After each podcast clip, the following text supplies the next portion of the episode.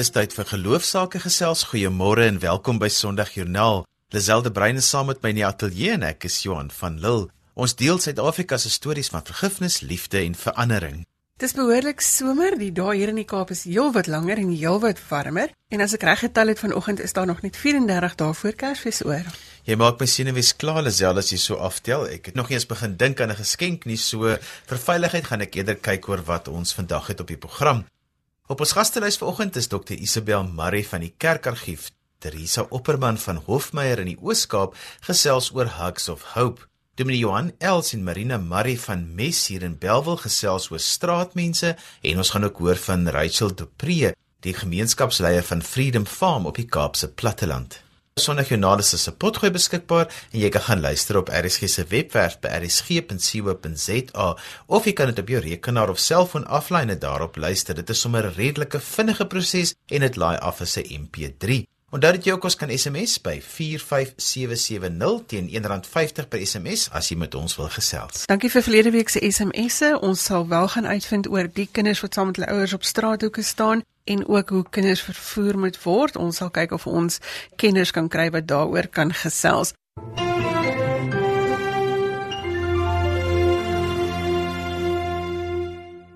Die Hofmeyer NG gemeente was vir 15 jaar sonder 'n predikant, maar dit het nie gemaak dat die lidmate nie gewerk het nie. Teresa Opperman vertel van die Hugs of Hope projek wat gehelp het waar daar nood was. Goeiemôre Teresa.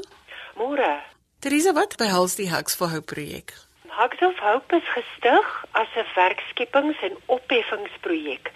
Ons streef daarna om in liefde en deernis hoop te bring waar omstandighede 'n absolute moedeloosheid veroorsaak het, sodat ons verandering kan meebring en dat hierdie mense se lewensomstandighede kan verander sodat dit ook ons eie omstandighede kan verander. So hierdie is mense wat in die omgewing is wat nie noodwendig deel is van julle gemeente nie, is ek reg? Almal wat nood ervaar en wat moedeloosheid ervaar word betrek. So wat is dit wat julle doen? Goed, Hugs of Hope het aanvanklik begin as 'n opleidingsprojek waar ons mense leer naaldwerk doen het. Maar dit het baie vinnig daardie grense oorskry want van selfsprekend is daar mos nou talle mense wat nie naaldwerk georiënteerd soos ek is nie. En ons is drie vrouens, Obrey van Heerden. Sy is betrokke by die huisbesoeke en kosverspreidingspakkies en sorg dat almal gesond is, geestelik en liggaamlik. Sy rapporteer dan weer aan ons wat sy aanbevelings maak en sê betrek hierdie persoon om te kom help in die groep met naaldwerk, met gebak, met kookkuns Ons het self nou 'n projek waar daar groente gekweek gaan word en dan is daar nou 'n hele wye veld wat gedek word. Die ander lid op ons span is Sanet Koetser. Sanet is nie net 'n baasorganiseerder nie, sy vat dinge onmiddellik vas en sien 'n probleem onmiddellik raak. Sy is ook in beheer van die kosvoorsieningsprojekte. Pastye word gebak, beskuit en koekies gaan nou gebak word in voorbereiding op Kersfees en sy's ook betrokke by ons weeklikse naaldwerk byeenkomste. Kom ons begin by die naaldwerk. Wat maak julle met die naaldwerk? Ons het aanvanklik begin met quilts in gedagte, quilts vir kanker, maar ons het geen finansiële agtergrond gehad om regtig waar op groot skaal goed in te koop nie. Daar is mense wat geld beskikbaar gestel het, maar ons wil dit liewer gebruik as ons uit kosvoorraad uit sou hardloop vir die mense wat afhanklik is van eetes. So ek met my agtergrond, ek het 'n werkswinkel op die plaas waar ek mense oplei om naaldwerk te doen. Het toe gesê, "Goed, ek het 'n paar ou masjiene wat ek beskikbaar kan stel." My man het hulle vir ons gediens en weer in 'n werkende toestand gekry. En ek het toe nou tussen my verskaffers rondgebel en gevra ons soek asseblief uitskotlappies en die Here het voorsien. Ons het 3 bakkie vragte vol lap van die baai af aangery Hofmeyer toe. En die vreugde op daai vrouens se gesigte toe ek daai oggend opdaag met daardie vrag lap was het boekdele gespreek. Dit was ver bo wat ek ooit gedink het ons kon bereik. En ons werk op hierdie stadium nog met daardie lab. So ons maak quilts wat verkoop word. Ons maak Bybelsakke, skinkbordlappies, teenette, inkopiesakke en dan natuurlik nou 'n um, koel sak wat jy nou na piknik toe kan vat. Hoe dra die gemeenskap by tot julle projek? Hofmeyer is soos 'n meelsakkie. Elke keer as jy hom skud, val daar nog 'n bietjie meel uit. Ons het nou in die kerk het ons houers geplaas waarin hulle vir ons bydraes kan plaas. Daar's elke week 'n klomp sakkies met kosprodukte. Mense het by ons opgedag met swart sakke vol lap met swart sakke vol wol. Ehm um, ons het nou alselfs van weier af, ons het byvoorbeeld van Somerset Oos af ag bokse vol uh, klere gekry. Um, Hofmeyer se mense maak self hulle kaste leeg in gee klere. En dan wil ek vir jou sê daar dag op 'n dag by ons werkswinkel net iemand op met 'n bak klaargebakte pannekoek of 'n bak klaargebakte vetkoek of 'n pot met 'n stowwegereg in. Dit is asof Hofmeyer besef hulle kan 'n verskil maak en mens maak hulle 'n verskil. Dit is ongelooflik. Teresa, julle werk ook saam met die VGK en die NG Kerk in Afrika. Toe ons besluit ons gaan hierdie projek nou van stapel stuur nadat die NG Kerk hulle saal en drie klaskamers aan ons beskikbaar gestel het, was ons heel eerste oorweging, hoe betrek ons ander Christene van buite ons kerkverband? En ons het toe in die dorp self mense uitgestuur om by alle huise waar daar swaar kry en nood is besoek af te lê. En ek self het um kennisse en mense wat al by my kursusse gedoen het, wat by die VGK betrokke is en wat by die NG Kerk in Afrika is. Ek het hulle besoek en ek het hulle gevra bring vir ons mense wat julle weet in nood verkeer maar nie net mense wat in nood verkeer nie. Bring ook vir ons die mense wat graag daai mense wil help. En so kom hulle elke week in groter getalle om nie net te kom vra vir kos en kleding nie, maar om ook te kom werk en hulle kant te bring. En hulle is van ons beste verskaffers van produkte wat ons op hierdie stadium kan verkoop want ons het aan die dames ons eie masjiene beskikbaar gestel. Die dame wat wat my naaldwerkers oplei is Julia Mahotti, sy's van die NG Kerk in Afrika. Sy het by my plaaslik hier op die plaas leer naaldwerk doen. Sy het doen sulke loswerkies in die dorp, maar sy het nou al 'n hele span vrouens uit Duxorweni gebring wat saam met ons werk en ons gee dan vir hulle 'n masjien huis toe. Hulle moet elke woensdag weer met hulle masjien kursus toe kom. En hulle werk deur die week met ons lappies op ons masjiene vir ons projek. Teresa, miskien moet ek dit nou aan die begin gevra het. Waar is Hofmeyer? Hofmeyer is 60 km van Kraddock, 40 km van Steensburg en so 120 km suid van die Gariepdam. Watter verskil maak hierdie projek aan die gemeenskap maar ook aan jou en jou geloofslewe? Die gemeenskap, moet ek vir jou sê, is nie almal 100% betrokke nie. Ek lag altyd want ek sê daar's die klomp bees. Daar's die beloftes. Hulle loop my raak in die straat en hulle sê vir my, "Oh, ek het nog 'n ou masjien wat ek vir jou wil bring," maar hulle sê dit al maande. Dan is daar mense wat selfs beledigend is. Ag, jy sal nooit hierdie mense regkry nie. Ek weet nie hoekom mors jy jou tyd nie. Dan is daar ook 'n groep wat ek noem die belydendes. Oeg, dis wonderlik wat julle doen. Ek moet net bely, ek sou dit nooit kon doen nie. Ek het ook geen gawes wat ek so kan benut nie. Maar dan ken ek die persoon en ek weet selfs daai persoon se teenwoordigheid sou al wondere verrig het. En dan het ek 'n span beleggers Hulle dra by. Hulle is betrokke. Hulle gee en gee en gee en hulle is elke week daar met 'n glimlag op die gesig en dis hulle wat van hierdie projek so 'n reuse sukses maak. My eie geloofslewe, kan ek net sê, dis nie deur eie mag of krag nie. Ek word net gelei deur die Gees. Ek is besig met werk saam met hierdie ander twee dames en ek weet ons voel al drie so waarvoor ons nie opgelei is nie. Maar tog vind ons dat die Heilige Gees ons ewe skielik die kwalifikasies gegee het wat ons nie het nie. Daar word woorde in ons mond gelê om te spreek.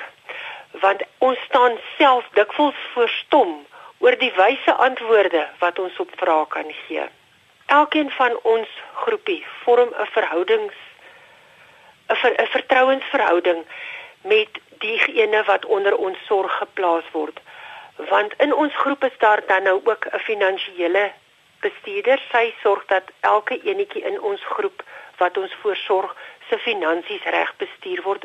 Die Sassa pensioentjie of die geldjie wat hulle kry vir 'n taakie wat hulle gedoen het. Elise Downie help daai persoon om haar finansies reg te bestuur. En dan het ons ook 'n tesourier wat ons eie finansies reg bestuur. Ek kan nie nou vir jou sê wat in die boeke aangaan nie, want ek wil nie weet nie. Die Here is daarin beheer en Rita Smit skryf net neer wat inkom en wat uitgaan. Maar ons het verander ewe skielik oornag in geestelike leiers want hierdie mense oor wie ons ons ontferm het verander in vriendinne en susters en hulle wil ons gelukkig hou. En dit is eintlik glad nie waaroor die projek gaan nie. Hulle eie geluk is die belangrikste. Maar omdat hulle voel hulle hou ons gelukkig het hulle ook innerlike vrede ervaar 'n fenominale storie van verskillende dele van die liggaam van die kerk wat saamwerk om mense te bemagtig en om 'n verskil te maak. Dankie Teresa vir die saamgesels en dat jy julle storie met ons gedeel het. Baie dankie. Ons het gesels met Teresa Opperman van Hofmeyer in die Oos-Kaap. Sy en haar span is 'n goeie voorbeeld van hoe jy kan help om iemand se lewe te verander. Daar is soveel stories van merkwaardige vroue in al die gemeenskappe wat sorg dat kos op die tafel kom. As jy sopas ingeskakel het, sê ons goeiemôre. Jy luister na Sondagjoernaal saam met Lisel en Johan. Gaan maak gerus 'n draai op RSG se webblad by rsg.co.za vir kontakinligting oor ons gaste vandag. Jy kan ook inskakel op RSG deur DStv se audiokanaal 813. Gilma Stander het by die gemeenskapswerker Rachel te Pre op Freedom Farm gaan kuier om te hoor hoe dinge in 'n plakkerskamp werk. Ons vra verskoning vir die kwaliteit van die onderhoud aangesien die omstandighede nie 100% beheerbaar was nie. Hulle was besig om 'n breedie te maak. Dis 'n groot voorreg wat ek het vandag om hier in Freedom Farm by Rachel de Pre te sit. Jy's die gemeenskapswerker en ook eh, die persoon wat hier aan stuur staan en gemeenskapleiding neem. Wat is die geskiedenis van Freedom Farm? Freedom Farm ontstaan oor die sê maar 25 jaar. Ons het hier kom bly op Aksa se grond. Kamp het begin met 23 breingesinne en dan het Aksa gevra, luister ons het koses uh 19 gesinne en ons het besluit ja, bring vir hulle almal soek 'n plekkie en Aksa is die einde van die dag die baas van die grond. En hulle het saam kom bly en ons het aangegroei. Ek het 2 3000 mense.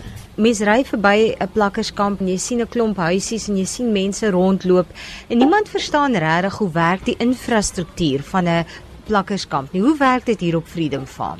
Jy kry 'n nommertjie van van City, dis oor die council en uh, jou naam en van is by jou ID nommer. Ons begin by 1 tot nou waar dit eindig. My gewese man het nog hy's oor die 20 jaar het nog steeds sy selfe nommertjie nommer 4. Ah, uh, ek is nommer 14. So wanneer die die, die council inkom en dan kom hulle na vra hulle nou vir my. En die ry self waar is dit? Dan kan ek vir jou sê jy ry nou eh, so af. Ons het nou ons het nie baie strate nie, maar ek het so 'n paar strate name gegee. Hier voor wat ek bly is First Avenue.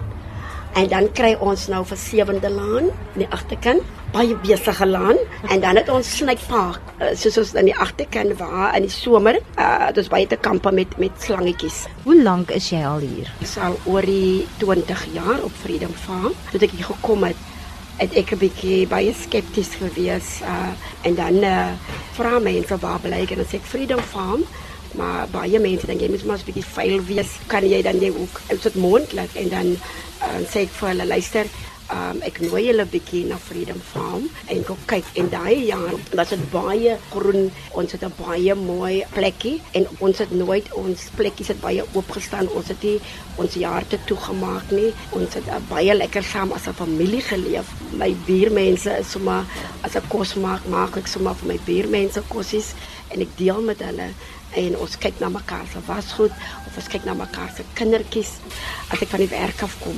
Kyk hoe sit die vrouens en ek sê vir myself, ek werk nou al 20 jaar en ek voel ek wil klaar maak en iets het vir my baie aan die hart gelê dat ek so kom dan sien dat die vrouens sit so verlore, die kindertjies sit. En weet jy baie aande as dit so donker raak dan het hulle nie 'n kersie eens om in daai huisie te gaan nie. En ek het klaar gemaak met my laaste baba by die werk en ek het na die vrouens toe gekom en ek gesê luister ons moet iets doen. Ons het nie baie geld vir vleis nie maar wat ons kan doen ons koop die soja en en en by ons in die ons het afdelings in die kamp. Ons het die R-side ons het die B-side en dan die A-side in die R-side is dit vir rasta side nou die uh, die rastas hulle eet mos nog nie vleis nie. En dan net my gewese man um hy was ook 'n rasta en ek is al gewoon die groente kos maak en dan die ou soja maar jy moet hom lekker maak. En ons het die kindertjies begine nader roep en weet wat hy kindertjies so in die lyn staan. En hy onneesie loop en hy ook gesiggetjie is so vuil.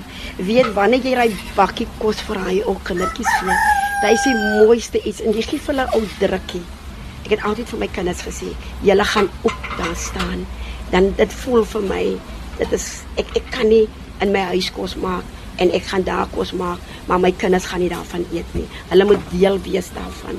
Soos 'n familie het ons kom voort en uh, my twee vriendinne, hulle het al huis gekry. Hulle het baie gehuil. Uh, ek het vir hulle gesê nee, my werk is nog nie klaar hier nie. Jou liefde vir kinders noop jou en is eintlik 'n magneet waarby jy die kinders aantrek. Hoe help jy die ouers hier om die kinders op die skool te hou want hulle opleiding is tog baie belangrik? Ja, baie ouers omdat hulle nie werk het, hulle gevoel hoe gaan ons kinders skool toe stuur? En ek het vir hulle kom leer. Maak jou klaar en ek stap saam met hulle en ons vra, kan ek die hoof sien? Wanneer ons ingaan, stel ons ons voor ek sê luister, die mammies, hulle wil hulle kindertjies skool toe bring, maar hulle werk nie. En uh, hulle wil graag by u hoor vandag hoe moet hulle maak? Dan het die skool of ek is baie lief vir meneer Loos, Bella Primary. Hy sal altyd sê, "Luister, jy moet 'n affidavit kry by die polisiestasie. En as jy 'n toelaatjie kry van SASSA, bring jy daai toelaatkaartjie. Hulle maak 'n koppie vir jou, bring daai kind skool toe." Jy weet, daai vreugde in my is so groot wanneer daai kindertjies vir die eerste keer gaan. As jy vir ons so 'n neutedop moet sê, wat sal jou boodskap wees aan die wêreld en aan al hierdie motors wat net sommer so verbyry vandag? Ek sien altyd baie mense by ry bietjie stadig. Baie het al kameras gehad waar hulle verbyry wat hulle nou altyd so amper so 'n uh, fotootjie neem vir alles mense buite kan sit. Ek wil graag vir hulle sê, draai in. Ek wil graag hier 'n bord opsit met die naam. Ek wil graag die plek hê met die ingang 'n bietjie mooier maak. Bietjie vriendelik maak. Ons het 'n uh, feeding scheme waar ek die uh, die die container gaan nader bring die voor die deur. Ons gaan 'n bietjie paintings daar opsit. Waar is al wat ons kindertjies is, ons vir kinders die kom by sê. Ons wil laantjies daar opsit. Ons wil uh goedjies daar opsit. Dit wil dit vriendelik maak.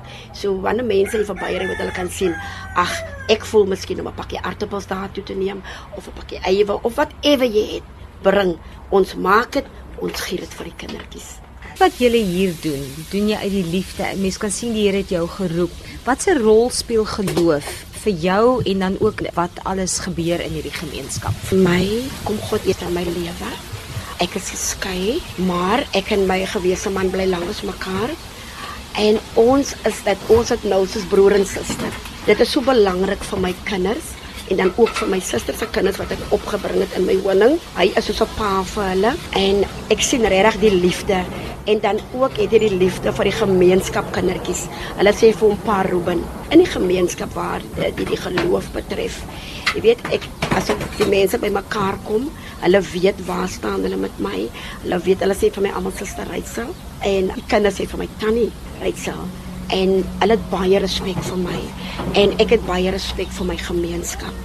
Jy weet vir my is daar as al drink jy nou uh mense soos mense maar drink, hulle rook En wanneer ek met jou gaan praat, gaan hierdie ekkies gaan ek nie vir jou sê, luister, maar klaar met hy wyn, maar klaar met hy uh, rook nie. Ek sê weet julle dat God is baie lief vir ons.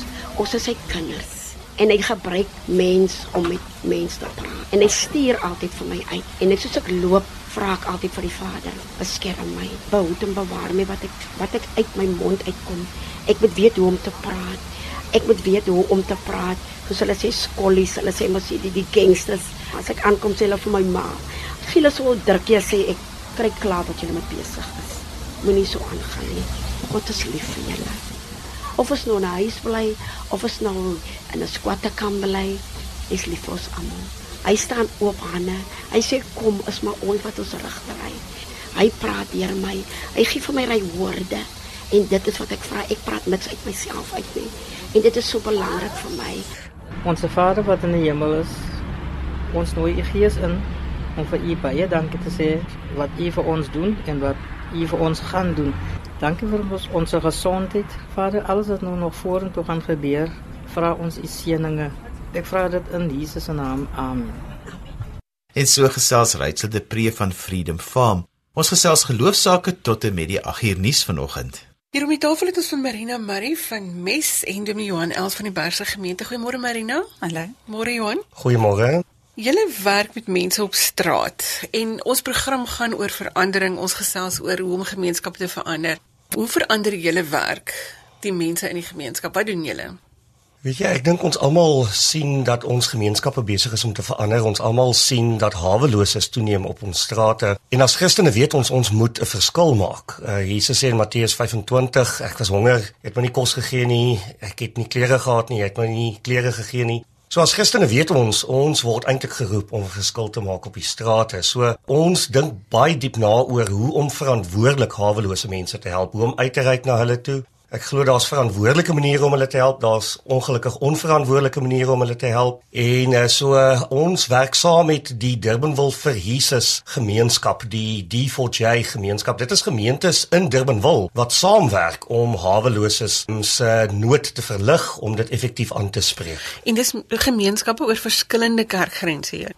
Ja, dit is wat fantasties is. is. Die nominasie dink ek in die tyd waarin ons leef raak minder belangrik. Ek dink ons almal kom agter dit gaan oor Jesus en dit gaan daaroor om nie net fantastiese eredienste te hou op 'n Sondag nie, maar die vraag is eintlik watter impak maak ons op die gemeenskap? Want dis waar Jesus was. Hy was op die strate, hy was op soek na die wat verlore is, die 99 het hy agtergelaat om die een te gaan soek. So ons weet eintlik as kerk, dit is ons roeping om die wat gebroke is te gaan optel, die geringstes praat Jesus gereeld van. So wat lekker is is dat dit verskillende kerke is. Dis charismatiese, gereformeerdes, rooms-katolieke wat kan saamsit om 'n tafel en sê hoe kan ons 'n impak maak op die gemeenskap. Marina, watter verandering sien julle by Mes? Julle werk nou direk met mense wat op straat is. Hoe doen julle dit? Ja, so ons werk hand aan hand met die gemeenskapskombuis, die D4's, ja, samewerking met hulle. So wat ons doen is ons kyk meer op 'n neurologiese vlak. So ek dink die tyd van hier's vir jou soppie, hy sies tog jy's honger, is lankal verby. So ons kyk op 'n neurologiese vlak. Hoe dink jy oor jouself? Hoe dink jy oor wat jy kan doen? Hoe dink jy oor wat jy in die gemeenskap kan doen? Hoe dink jy oor ehm um, waar jou inkomste vandaan kom, jou kos vandaan kom? Wat ons dit noem is werkrehabilitasie. Om deur 'n proses te gaan waar mense begin glo maar hulle kan vir hulle self en hulle gesinne voorsien. Hulle hoef nie net meer op te daag dat iemand anders vir hulle kos gee nie. sien julle dat dit 'n verskil maak? Ja, ons sien dit is 'n lang proses, maar ons sien definitief hoe mense begin glo dat hulle dit vir hulle self kan doen. Ons sien mense se gesindheid verander teenoor 'n plek soos 'n sopkombuis waar hulle al begin bereid is om te betaal vir die sop. So in plaas van om net vir nie te kry in die begin, was dit maar 'n stryd geweest om 'n oorgang te maak. Maar waar mense sê maar ja, dis reg, ek kan geld verdien en ek kan betaal vir hierdie sop. So dit gaan nie eintlik oor die geld wat gegee word of nie, maar dit gaan oor die die waardigheid van mense. Ek betaal vir wat ek kry. Ek kry dit net vir niks nie. So ons sien definitief 'n verandering in mense se gesindheid teenoor hulle verantwoordelikhede in die gemeenskap en ook ek sal sê gesindheid teenoor werk en geleenthede wat daar is van 'n plek waar hulle eintlik maar net nie belangstel om te werk nie na 'n plek wat hulle glo maar ek kan werk. So as daar geleenthede is, dan kan ek dit aanvat. Ja, die woord menswaardigheid gebruik wat doen dit vir iemand as jy hulle op 'n menswaardige manier weer mens maak? Ek sê altyd ons werk in die in die besigheid van hoop en ek dink menswaardigheid me, mense verloor hoop dat hulle iets beteken of dat dat hulle iets kan bydra tot tot 'n samelewing en ek dink die die menswaardigheid ek sien hoe hoop hoe hoop groei om te begin glo maar ek ek is waardevol. Ek kan iets doen en um, ons sê ons probeer holisties werk. So dit is liggaam, siel en gees. So ja, jou liggaam is honger. So in die begin moet jy dalk sop verniet kry, maar iewers moet jou manier van dink bykom. So dis ook nie net 'n geestelike saakie, dit is ook en ons moet begin glo ehm um, dat dat daar meer is as net vandag, maar my manier van dink oor myself ehm um, gaan hand aan hand met die geestelike sy, so om te glo maar ek is waardevol. Ek is gemaak in die beeld van die almagtige God. Al slaap ek op straat, ek is nog steeds waardevol. So ja. Johan, hoeveel mense van die gemeenskap is betrokke hierby? So op hierdie stadium is dit 5 gemeentes uit die D4J wat aktief betrokke is by hierdie gemeenskapskombuis om 'n verskil te maak. Wat lekker is daarvan is dat elke gemeente kan bring wat hy het. Baie gemeentes uh, het nie noodwendig dieselfde gawes as 'n ander gemeente nie. So wat lekker is dat ons kan in 'n liggaamsmodel regtig werk. So daar's party ouens wat uitreik op straat en die mense terugroep na Jesus toe en dan na die sop kom by toe daar's ouens wat fisies gaan kos maak, as ouens wat sop maak, daar's ouens wat bedien. So dis baie lekker dat gemeentes nie net op hulle eie probeer om dit te doen nie, maar om in 'n groep saam dit te doen want ons glo saam is ons beter. So ja, dit maak 'n geweldige groot impak. Ek dink die tweede belangrike ding is dat kerk, staat en besigheid moet ook op dieselfde bladsy kom. Ek dink eh, so Teresa Eis wat ons eh, wyksraadlid is, is baie ingekoop ook in hierdie proses eh, van die DA se kant af. Dan die besighede is besig om in te koop, die handelsinstituut is besig om in te koop, die sakekamer. So die poging is om 'n kerk, staat en besigheid te kry om op dieselfde bladsy te wees en om saam te werk, ook dan saam met ons SAPD en saam met ons buurtwagte. En as 'n mens al hierdie verskillende organisasies kry om saam te fokus met dieselfde strategie, kan 'n ou regtige impak sien. My groot vraag altyd is wat doen dit aan jou eie geloofspad as jy hierdie werk doen? So, ek dink baie natuurlik. Ek het aan die begin toe ek by Mes begin werk het, het ek baie vinnig besef daar's regtige boosheid daar buite en as ek elke keer van voor af geskok word in die boosheid, dan gaan ek iewers hoop verloor en ek moet besef dis die realiteit en dat Jesus is die antwoord ek weet wat die antwoord is dat lig skyn en donkernis kan nie anders as om te verdwyn voor dit nie. So ek het besef ek moet dit partykeer kies om dit te glo want ek sien dit nie altyd nie. So as iemand voor my sit met 'n verskriklike storie van trauma en ellende, dan moet ek kies dat Jesus goed is. Um, ek moet kies dat daar 'n antwoord is. Anders het ek nie eens hoop nie en hulle kom na my toe in desperaatheid. So ek dink in my persoonlike lewe ervaar ek dit dan ook partykeer as ek in 'n situasie is waar ek dink, "Jesus, dit het nog glad nie uitgewerk sodat ek gedink het nie of um besef ek ek moet ek moet kies dat God goed is en dat hy 'n plan het en dat dit dat die lig duisternis kan verdryf. So daai keuse wil ek amper sê is definitief iets wat ek van die begin af besef het dit dit moet ek uitsorteer anders gaan hierdie gaan gaan dit my onderkry. Ja. Ek dink dit gaan vir die kerk in eerste plek oor integriteit. Dit gaan daaroor dat Jesus roep ons om 'n verskil te maak in hierdie wêreld en om te sien dat Jesus kan 'n verskil maak deur ons dat uh, hawelose se lewe wel kan verander, dat dit moontlik is dat die evangelie waar is. Dat uh, wanneer ons in geloofsmoed na buite beweeg, uh, Jesus deur ons 'n verskil kan maak. Ek dink dit maak 'n geweldige groot verskil. Ek dink die tweede ding is weer met straatuitreike beleef ek dat as iemand moet verduidelik vir 'n hawelose of 'n vrou wat vasgevang is in prostitusie, hoekom is Jesus nou weer die moeite werd? Dan doen dit iets aan jou eie geloof. Dan begin jy ook opnuut weer glo dat Jesus 'n werklikheid en dat hy regtig lewens kan verander. Baie keer ontdek ons ons eie gebrokenheid op straat. Dan kom ons agter ons is eintlik maar net so gebroken soos die ou wat op straat is. Ons gebrokenheid lê dalk net op ander vlakke of ons steek dit dalk beter weg. Maar ons kom regtig agter dat ons almal het genade nodig. Ons almal het nodig om vrygespreek te raak. So ons ontdek ook iets van ons eie menslikheid, van ons eie gebrokenheid Iemand het eendag gesê it's only one beggar showing another beggar where the bread is. So dit is nie ons wat al gearriveer het wat ander mense gaan wys hoe om ook te arriveer nie. Dit is mense wat 'n behoefte het aan Jesus en wat hom net so nodig het soos iemand wat op straat is. So ek dink dit maak die evangelie lewendig in lidmate se lewens. En uh ja, ek dink dit maak 'n massiewe groot verskil. Om verandering teweeg te bring, is dit tyd dat ons hande vat en dat ons saamwerk. Marina, Johan, baie dankie dat julle vandag vir ons 'n bietjie van julle leefwêreld vertel het en van hoe julle saamwerk om 'n verskil te maak. Baie dankie, ons waardeer dit. Ons het gehoor van Dominee Johan Els van Durbanville en Marina Murray van Mes in Bellville wat met ons gedeel het hoe 'n gemeenskap saam staan om mense op straat weer in 'n gemeenskap te herintegreer.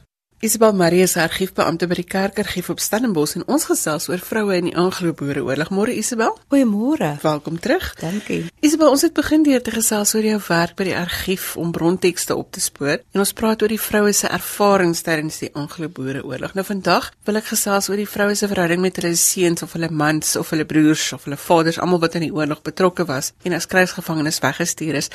Wat was die vroue se rol in hierdie man se lewe? Hmm, ek het gedink dat dit 'n baie komplekse rol was.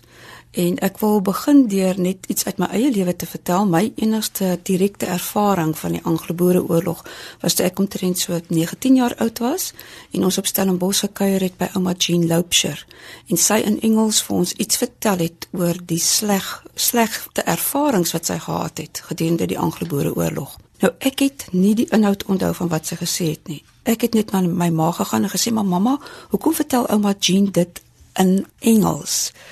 So dit wys vir my reeds iets van die kompleksiteit. In daardie tyd 1899 tot 1903 was vrouens se opleiding hoofsaaklik in Engels gewees. So jy die taal van die vyand as jou taal.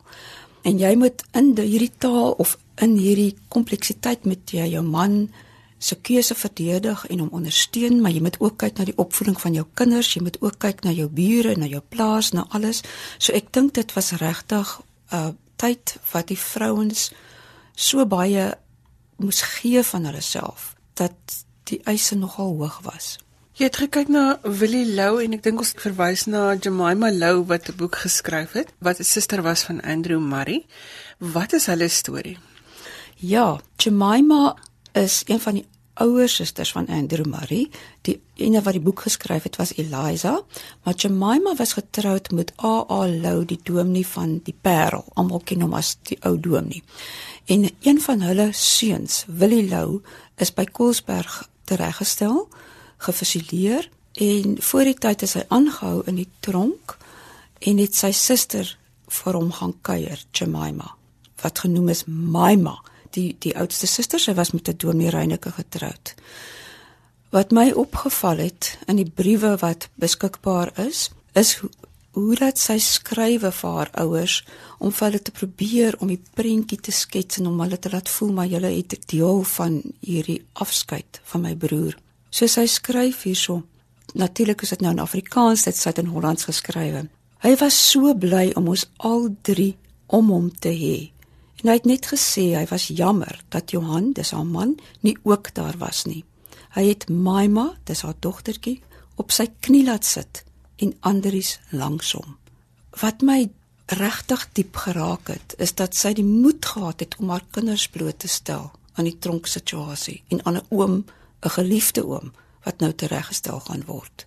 En dan die betekenis wat dit vir Willie gehad het, want Willie skryf dan in sy laaste brief aan sy ouers Ek gaan u verlaat vir 'n beter wêreld waar daar geen smart meer sal wees nie. Dit is bepaal dat ek vandag sal vertrek. Dit is God se heilige wil. Hy kan geen fout begaan nie. Mag hy al die dierbares in die besonder u en liewe pappa baie naby wees en versterk. Ja, God het my beloof dat hy u sal versterk en dat daar nou niks, letterlik niks wat my hinder of terughou sal wees nie. So Willie het in sy oë vertrek na 'n beter plek.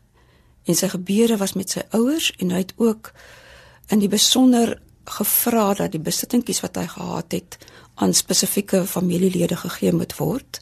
En ons het 2 weke gelede die kam wat hy gebruik het as 'n argiefstuk ontvang as ook die sakdoek wat oor sy kop gegooi is toe hy gefusilleer is want hy wou nie gebloemdoek gewees het nie en hierdie klein stukkies van Willie wat oorgebly het is vir my 'n gedagte van omgee en wat sy suster se besoek vir hom beteken het dat hy hierdie goeders kon agterlaat vir sy familie en vir nasate. Die mans het heelwat goed op die eiland gemaak wat hulle verkoop het om geld te kry en die vroue het nogal ook heelwat briewe vir hulle geskryf, nê? Nee. Ja, dit is nou weer 'n ander kant van die saak dat van die mans is weggevoer na die verskillende krygsgevangenekampe toe. Op een van die kampe was daar 'n dominee Reyneke en mevrou het saamgegaan en in 'n brief wat hy skrywe verduidelik hy hoe dat die mans van die begin af vir haar gesê het ons moeder.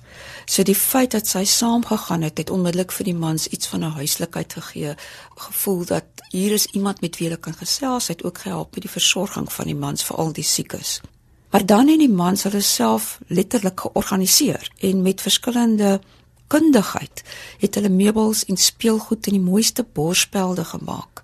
Sommige van die artikels het hulle dan teruggestuur Suid-Afrika toe vir die vrouens in die kampe, maar ander van die artikels is na Holland toe en ander plekke gestuur waar dit verkoop is om geld in te samel vir die weduwees en die wese. So dit het onmiddellik weer ook vir die mans 'n stuk hoop gegee. Ons doen iets want eintlik as ek nou die verslae lees van die verskillende kampe, die konsentrasiekampe waar die vrouens was en die kruisgevangene kampe op die eilande, dan klink dit vir my asof die mans se toestande eintlik 'n bietjie beter was as die vrouens se. Die vrouens is dikwels blootgestel aan baie slegte weerstoestande.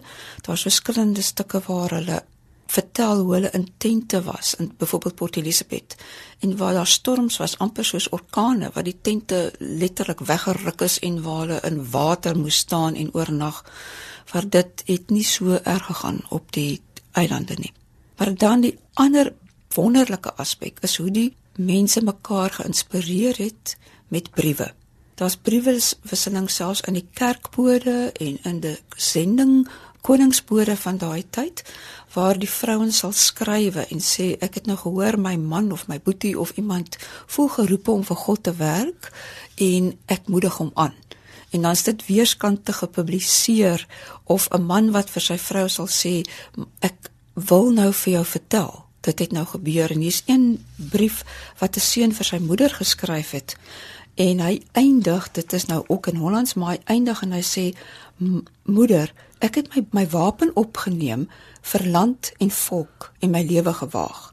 En u was gewillig om my en drie ander af te gee. Sal moeder dan nie nog gewillig wees om my ook af te gee vir die werk vir ons hemelse Vader nie? Want hy het gevoel hy's nou geroep om vir God te werk. En hy was nie die enigste een nie daar was op die ou end teen uh, 1903 was daar 175 jong manne wat ingeskryf is by het Boerensending Instituut op Woester waar hulle landbou en handvaardighede geleer het wat hulle in diens van God wou aanwend. So geloof ek dwars deur die hele oorlog 'n rol gespeel in mense se lewe. Baie beslis. Isabel, dankie vir die saamgesels vanoggend. Baie dankie. En so gesels Isabel Marie. Die Kerkargief se webblad is kerkargief.co.za. Van my Johan van Lille. Totsiens. Ek het my e-pos met kommentaar of as jy 'n geloostorie met ons wil deel by Lazel by www.media.co.za. Jy spel Lazel L I Z E L E by www.media net 2 W's. Of jy kan ook vir ons 'n boodskap deur die webwerf stuur by rsg.co.za. Hou jou oë oop hierdie week vir waar jy 'n verandering kan maak. Tot volgende week. Totsiens.